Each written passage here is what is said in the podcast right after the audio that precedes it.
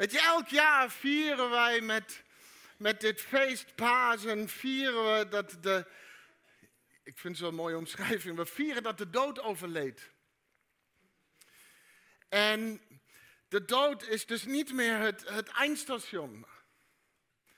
En, en de eersten die dit ontdekten waren mensen zoals jij en ik, die, uh, uh, die, die heel uh, close optrokken met Jezus en die heel close waren um, en die ook zijn kruisiging wel hebben meegemaakt en met hem waren.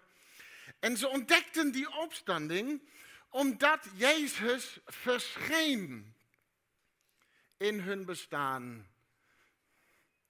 Hij kwam opdagen. En ik wil met jullie naar drie momenten kijken dat, dat, dat, Jezus kwam opdagen. En ik heb al vaak over deze drie momenten gesproken met Pasen, maar ik blijf het gewoon. Elke keer is het een andere preek en, uh, en elke keer weer wat voor mij persoonlijk ook een diepgaandere preek omdat ik blijf het zo bijzonder vinden, deze drie momenten. Dus ik wil met jullie kijken naar drie momenten dat Jezus kwam opdagen. En, en wie weet komt Jezus vandaag ook voor, voor, voor jou opdagen. Dus uh, tijdens de eerste verschijning waar we naar kijken, komt Jezus opdagen voor een vrouw. En, oh ik moet ook aanzetten. En die vrouw deed wat vrouwen doen.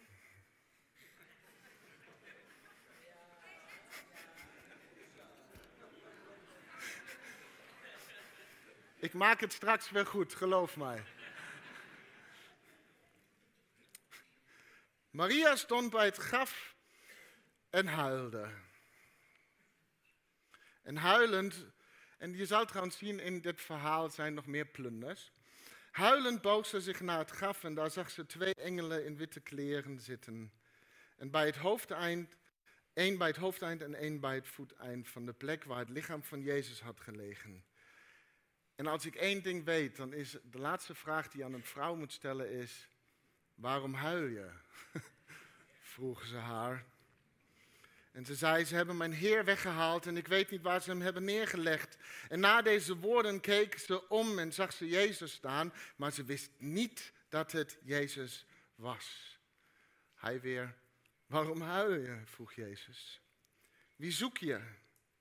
Maria dacht dat het de tuinman was en zei: Als u hem hebt weggehaald, vertel me dan waar u hem hebt neergelegd, dan kan ik hem meenemen. En Jezus zei tegen haar: Maria. En ze draaide zich om en zei: Rabboni.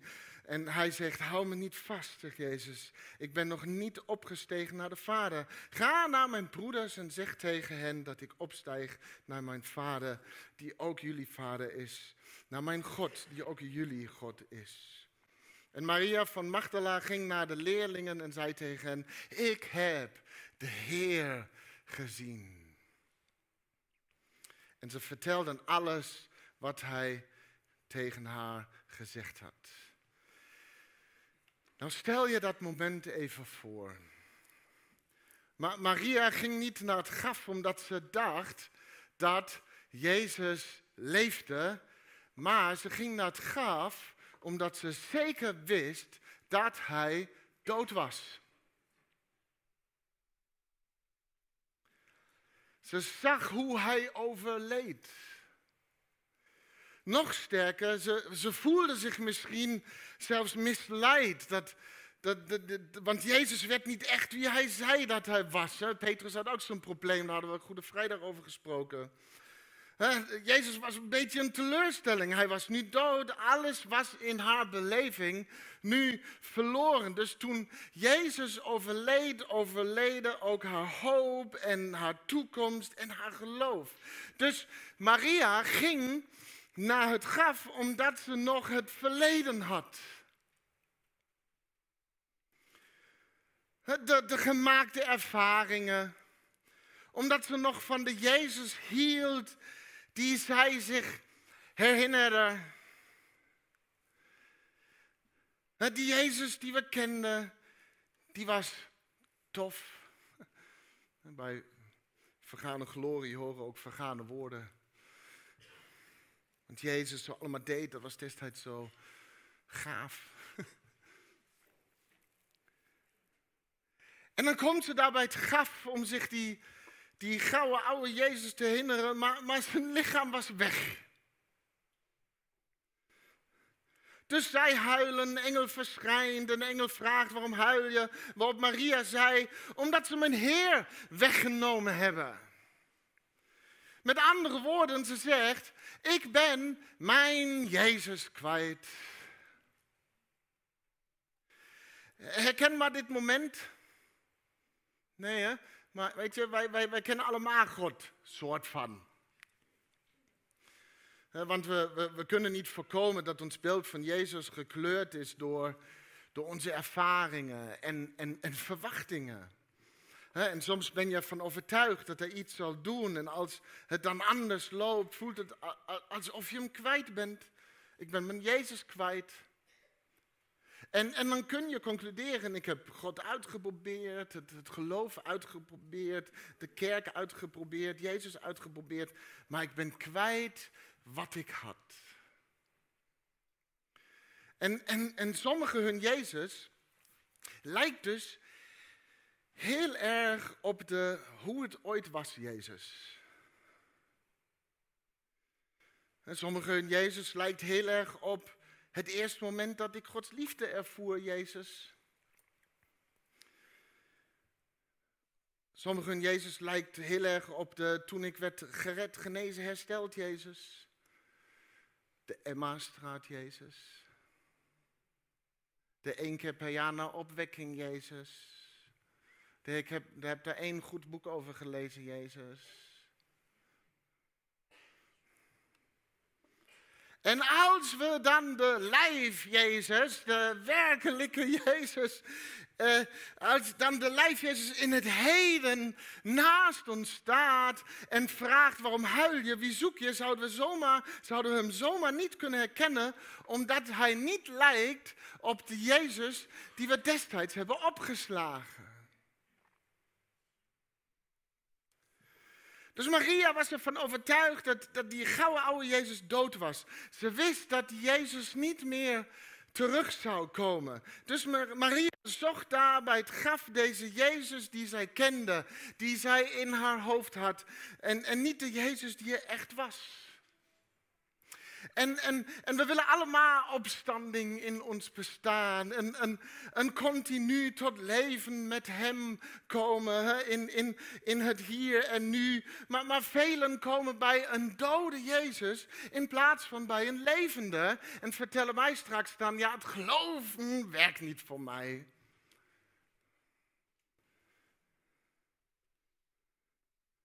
Maria zocht naar een dode Jezus, maar deze Jezus had zij niet nodig. En in de tussentijd was het de levende Jezus die naar haar zocht en die ze nodig had. Ze zocht de dode Jezus, maar vond een levende Jezus. Het is een vondst die ik echt iedereen gun.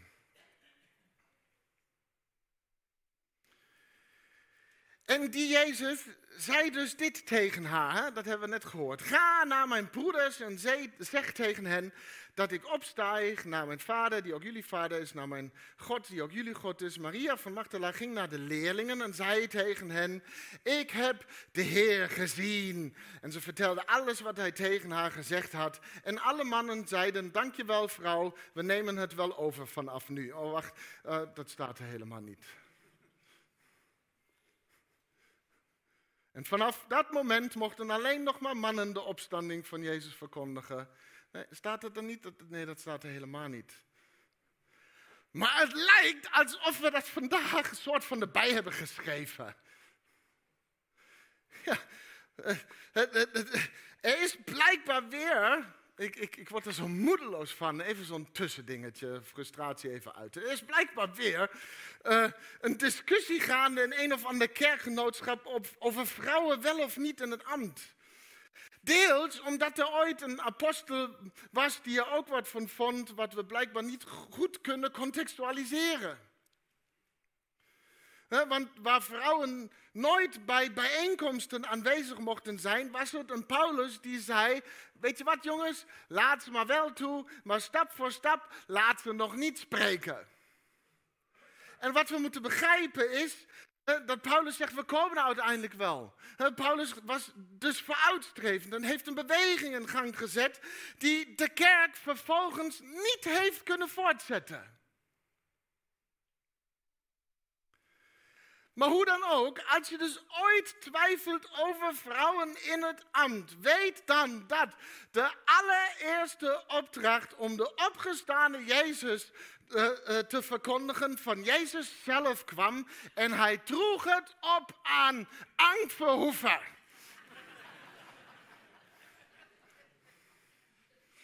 aan Maria van Magdala. Maria Magdala, niet van. Ze was geen Nederlander. Nee. Toch wel, Maria van Magdala, ja. Dus de allereerste persoon in de Bijbel die de opstanding van Jezus verkondigde, was Maria. In opdracht van Jezus. En het was Maria die verkondigde, ik heb de opgestane Heer gezien. Ik dacht dat ik hem kwijt was. Maria, maar hij noemde me bij mijn naam. Maria herkent mij, hij zocht mij op. Hij kwam naast mij staan en hij droeg me op om jullie te vertellen dat hij leeft. En in de andere drie evangeliën zegt de engel nog iets belangrijks tegen Maria. Bijvoorbeeld Marcus 16. Maar hij zei tegen hen, wees niet bang, jullie zoeken Jezus de Nazarener. Die, Nazarener, Jezus was ook Nazareen. Die gekruisigd is. Hij is opgewekt uit de dood. Hij is niet hier. Hij is niet hier. Hij is niet hier. Kijk, daar is de plaats waar hij was neergelegd, maar daar is hij niet meer. Dus een van de belangrijkste en, en moeilijkste ontdekkingen in elke geloofsontwikkeling, als we er ooit komen, is dit inzicht. Continu weer, hij is niet hier.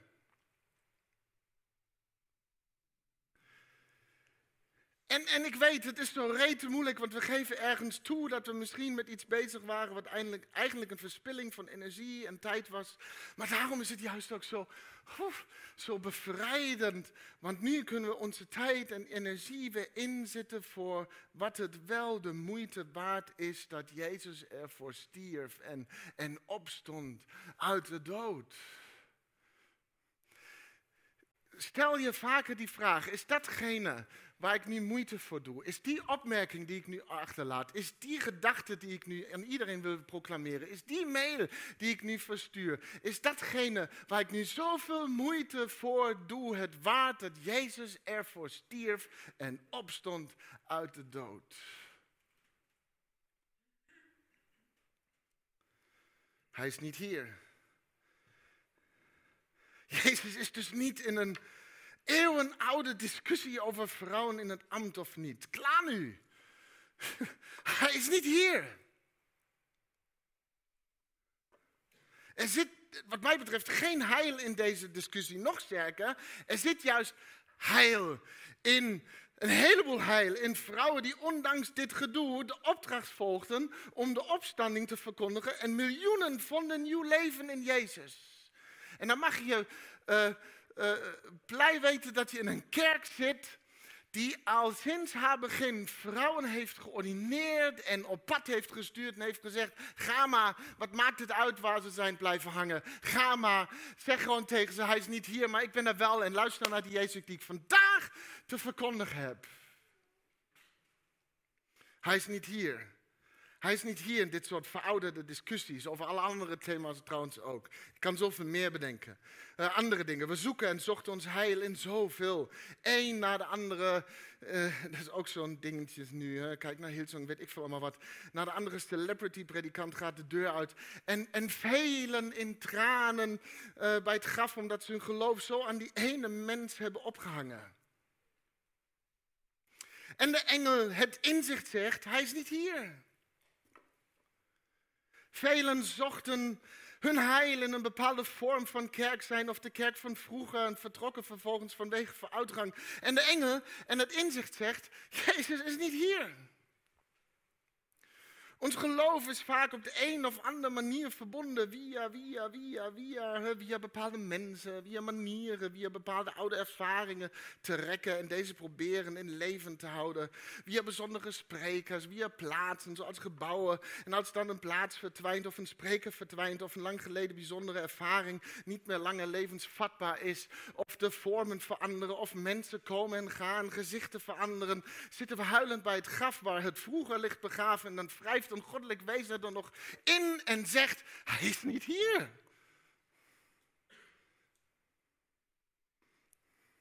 Hij is niet hier.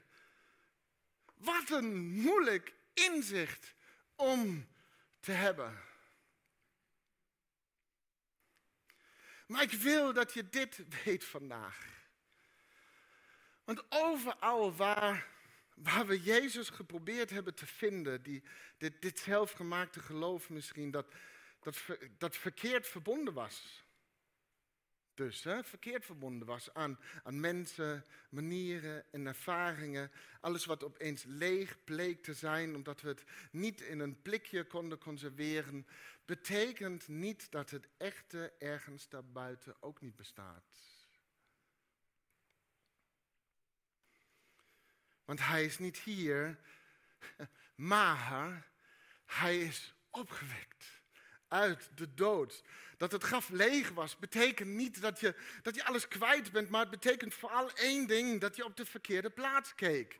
Want Jezus is niet onder de doden, maar onder de levenden.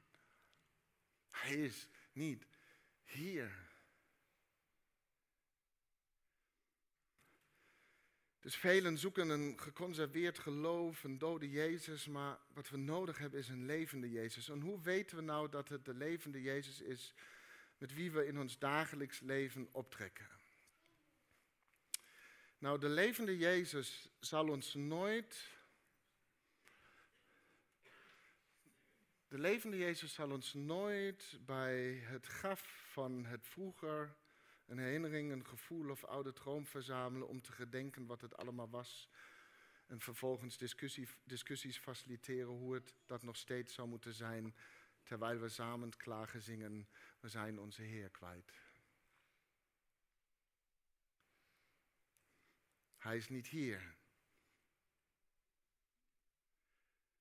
De levende Jezus zal ons altijd weer uitdagen man of vrouw, en alles ertussenin. De opstanding te verkondigen en te leven.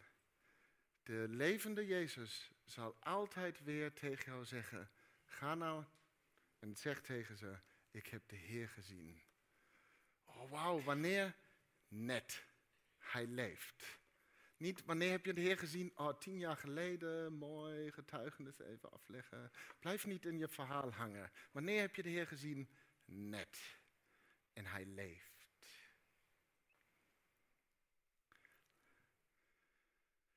Dus Maria vertelde de discipelen alles wat ze had gezien en gehoord. En dan gaat het verhaal verder. Op de avond van die eerste dag van de week waren de leerlingen bij elkaar. En uit angst voor de Joden hadden ze de deuren op slot gedaan. En Jezus kwam in hun midden staan en zei: Vrede zij met jullie. En na deze woorden toonde hij hun zijn handen en zijn zij. En de leerlingen waren blij omdat ze de Heer zagen. Nog eens zei Jezus: Vrede zij met jullie. En zoals de Vader me heeft uitgezonden, zo zend ik jullie uit. En na deze woorden blies hij op over hen heen en zei: Ontvang de Heilige Geest. En als jullie iemand zonde vergeven, dan zijn ze vergeven. Vergeven jullie ze niet, dan zijn ze niet vergeven. Eh, dus de, op, de, opstanding leven is blijkbaar een, een, enorme klus. Dat is nogal een uitdaging. Eh, die gasten zaten daar gewoon opgesloten, binnen, opgesloten uit angst. Ze verstopten zich voor de wereld. En, en dit zijn de mensen waar Jezus zijn hele leven in had geïnvesteerd. En nu, nadat hij was gestorven, overleden, dus ook hun moed en geloof en hoop en toekomst. En ze zitten opgesloten in een kamer als gevangenen van hun eigen angst. En Angst is altijd dus blijkbaar ergens een consequentie van een leven leven alsof Jezus dood is. Met name de angst dat we het kwijt zouden zijn, doet ons rare dingen doen. En niet alleen in het geloof, gewoon in het leven. De angst dat we iets kwijt zouden kunnen zijn, doet ons altijd weer rare dingen doen. Kijk maar bijvoorbeeld naar recente gemeenteverkiezingen. Of überhaupt op welke politieke partij we soms stemmen. De angst dat we iets kwijt zouden kunnen raden, doet ons rare dingen doen.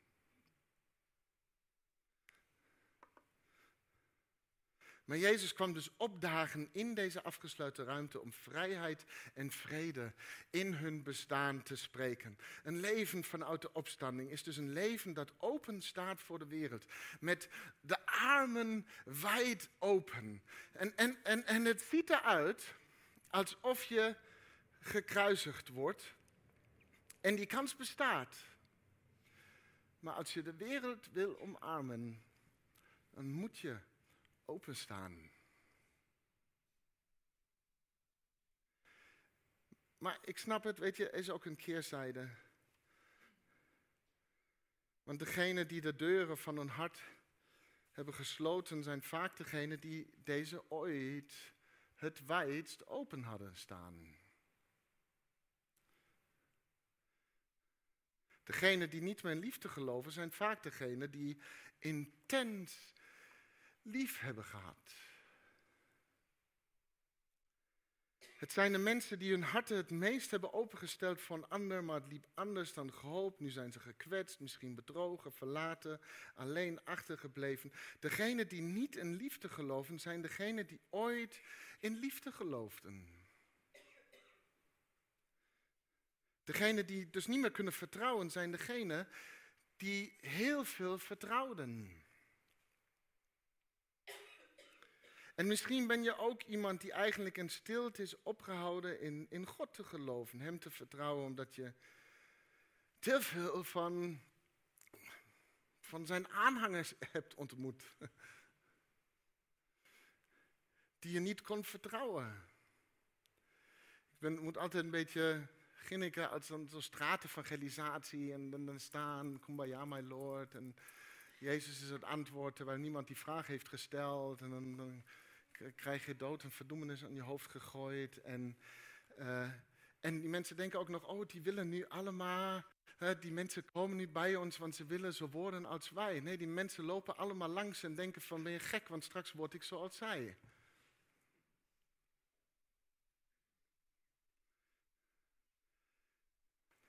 Dus je hebt te veel van hun aanhangers ontmoet. Aanhangers die je niet kon vertrouwen. Mensen die in de naam van God, die de naam van God gebruikten om je te veroordelen, je te overladen met schuld en schaamte. Je allerlei romantische dingen voor te houden die geen stand hielden. En als zijn volgelingen dan zo zijn, dan zal God ook wel zo zijn. En, en zonder het dan te merken, projecteren we onze ervaringen met mensen op God. En dan kan ik mijn mond nog zo stoffig babbelen, maar we krijgen daar geen ander beeld gecreëerd. Dan heeft God het allemaal gedaan. Maar zou het kunnen dat vooral mensen je dit hebben aangedaan? En je dat nu ongemerkt op God projecteerde. En nu zijn je deuren gesloten uit angst om weer gekwetst te worden. En die deuren worden echt steengoed bewaakt. Nou, eh, eh, we krijgen op, op Facebook ehm, soms nog de een en andere respons op de posts die wij plaatsen van, van bijvoorbeeld onze preken, van onze diensten of zo. En, en mensen laten echt regelmatig ook wat nare reacties achter. Dingen zoals dat we. Zijn er kinderen? Oké, nee, dan ga ik het Um, mensen zeggen dingen zoals dat we een secte zijn, ziek volk, Jezus verraders, uh, K, punt, punt, geloof, uh, hok vol pedofielen, jullie gaan branden in de hel en nog zoveel meer bemoedigende opmerkingen. En jullie lachen, want ik zou even, even de bal teruggooien. Want we, we, promoten deze posts ook betaald. En we promoten ze op een manier dat het zichtbaar wordt op Facebook voor degenen die de pagina liken en hun vrienden. Dus dit zijn jullie vrienden. dit, dit, is jullie family. Oh, mooi.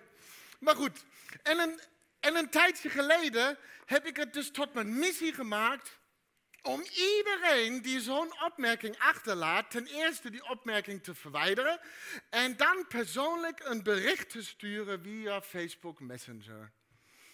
En je zou denken dat niemand reageert, maar het is echt prachtig, want je krijgt echt de mooiste gesprekken met die mensen. Uh, uh, echt fantastisch om, om te zien.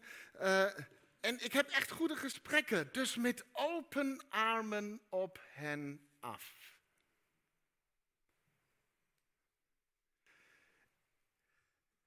En, en echt dingen zo van, ik zeg gewoon echt, wat ben je echt zo? Is dat wie jij echt bent? Wil jij zo zijn? En dan komen opeens dingen er doorheen schemeren waar je denkt van, oh, en je ziet opeens het licht van Jezus doorbreken. Nu heb ik nog geen bekering meegemaakt op Facebook. Die hou ik nog te goed. Eén iemand die heeft het gesprek ook gewoon geëindigd met: ga afwassen.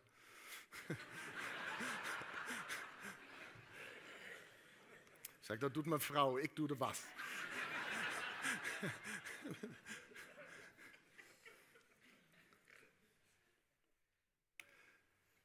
een van de hoofdredenen waarom mensen zeggen niet in een liefdevolle God te kunnen geloven, is al het leed in de wereld. En het komt elke keer weer omhoog en ook in deze gesprekken. Maar de waarheid is waarschijnlijk, en dat komt ook omhoog, dat we niet echt wakker liggen, weet je, van al het leed in de wereld. Het is gewoon waarschijnlijk vanwege al het leed dat je zelf kent in je leven, waar je zelf doorheen moest of moet gaan. En dan wijzen we God aan als de bron en oorzaak van ons leed.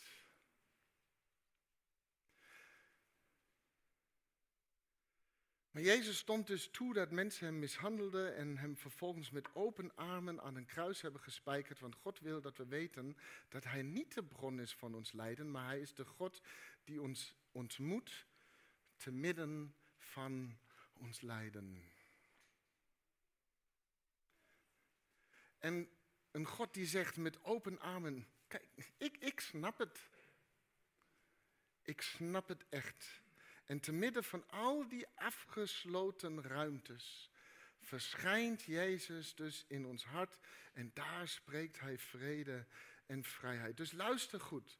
Het is, dat verhaal is heel bijzonder, het is dus in die geslotenheid in de geslotenheid dat ze de geest hebben ontvangen. Het is niet dit, dit bekende van, ah, we moeten meer openstaan voor de geest, maar heb je ook meer de geest? Nee, het is juist in de geslotenheid dat de geest kwam opdagen, dat Jezus kwam opdagen.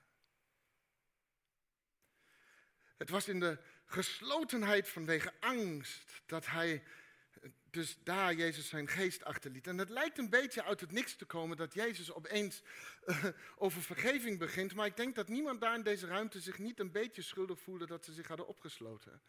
En, en, en Jezus zegt, hé hey jongens, als je het vergeeft, is het vergeven. Als niet, dan niet. Maar, maar hier is de geest, hij helpt.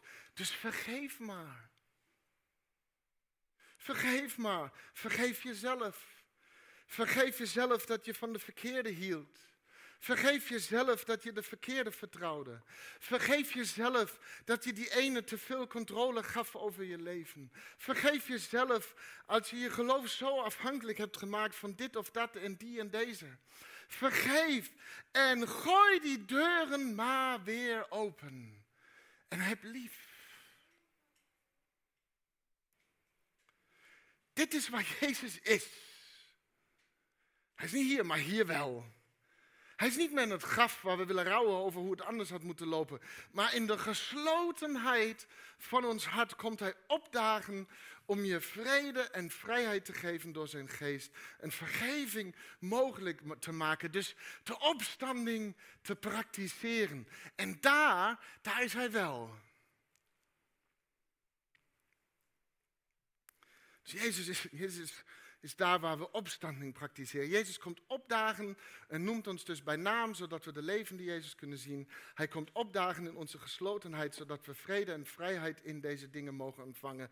En dan is er nog Thomas. En Thomas, zo gaat het verhaal verder, daar lezen we dan dit.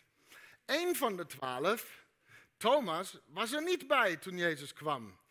Toen de andere leerlingen hem vertelden, wij hebben de Heer gezien, zei hij, alleen als ik de wonden van de spijkers in zijn handen zie en met mijn vingers kan voelen, en als ik mijn hand in zijn zij kan leggen, zal ik het geloven. En een week later waren de leerlingen weer bij elkaar en Thomas was er ook bij. En terwijl de deuren op slot zaten, is een proces, hè? moet even, erbij zeggen.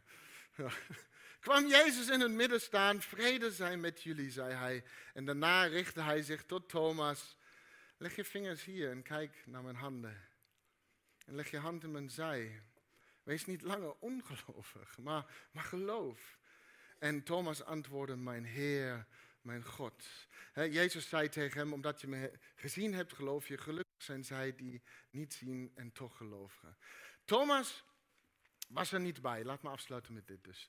Toen, Thomas was er niet bij toen Jezus verscheen. En ze vertelden hem dus dat ze de Heer hebben gezien. En hij moet enorm hebben gebaald dat hij het had gemist. Geen idee waar hij was, maar blijkbaar had hij iets beters te doen. En ergens had hij blijkbaar wat moeite met geloven dat het allemaal echt gebeurd was. En ik zou denken, weet je, als Petrus, Johannes, Jacobus en hoe ze allemaal heten zouden zeggen dat Jezus leeft, zouden we het geloven, toch? Maar zij vertellen hem allemaal, luister Thomas, jij kwam niet opdagen. Maar hij wel. Jij kwam niet opdagen, maar Jezus wel. Als je maar een beetje berouw zou tonen, zou je zeggen: Jongen, ik heb het echt verknald. Ik, eh, komt hij misschien nog een keer, dan ben ik het wel. Maar hier is wat Thomas doet: Thomas wil wonden zien. In plaats van verantwoordelijkheid te nemen dat hij Jezus had gemist, legt hij de lat gewoon hoger voor wat Jezus zou moeten doen om hem te laten geloven. Dit is wat we vaak doen als we ergens op een plek zijn waar we hem niet meer zien, zoals uh, geslotenheid of vergane glorie. we doen alsof, God, alsof we God misten omdat hij niet kwam opdagen. Maar is het mogelijk dat wij God hebben gemist misschien omdat wij niet kwamen opdagen? Nee? Nou, dus leggen we de lat steeds hoger. En Jezus moet steeds bijzondere dingen doen om ons te geloven in zijn aanwezigheid. we, en vervolgens zijn er hele rare dingen uit ontstaan waar we cynisme en twijfels en sceptisch, ons ongeloof uh, in, in de tussentijd als geweldige waarden zien.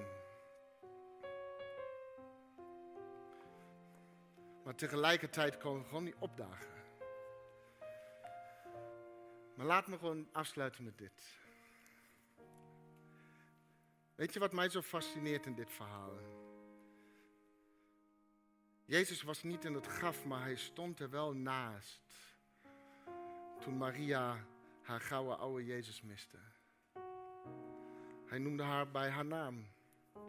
De discipelen sloten zich op uit angst en sloten ook Jezus uit, maar hij was er wel. Niet buiten de deur, maar midden in de rotzooi van hun harten, waar hij vrede over hun levens proclameerde en hen de geest gaf om de deuren weer open te gooien. En Thomas legde de lat heel hoog omdat hij zelf niet kwam opdagen, maar Jezus liet hem zijn wonden zien die hij niet wegging genezen met zijn goddelijke cosmetische gaven, maar die hij juist hield omdat die wonden nodig waren voor een veel eisende Thomas om te geloven. Eén verhaal en drie momenten waarin Jezus werd gemist. Hij is blijkbaar niet hier. Maar drie keer kwam Jezus, hoe dan ook, opdagen. Drie keer was de beleving, hij is niet hier. Hij is niet hier. En drie keer was het inzicht uiteindelijk, wacht even, hij is werkelijk opgestaan. Dus never waste a good crisis. Verspil nooit een goede crisis als je op dat punt komt in je leven waar je zegt, hij is niet hier. Oh, kijk even over je schouder. Want hij is werkelijk opgestaan. Dus Jezus komt hoe dan ook opdagen. Als je je gouden oude Jezus kwijt bent, opgesloten zit in je hart of de lat heel hoog legt. Jezus komt opdagen. Dat is wat de opstanding dus doet en deed. Dus kijk even als Maria over je schouder. Kijk als de discipelen even waar je hebt opgesloten in je hart. Kijk even als Thomas en zie de wonden. Want Jezus komt opdagen. Hij is misschien niet hier, maar hij is wel opgestaan. Amen. Amen.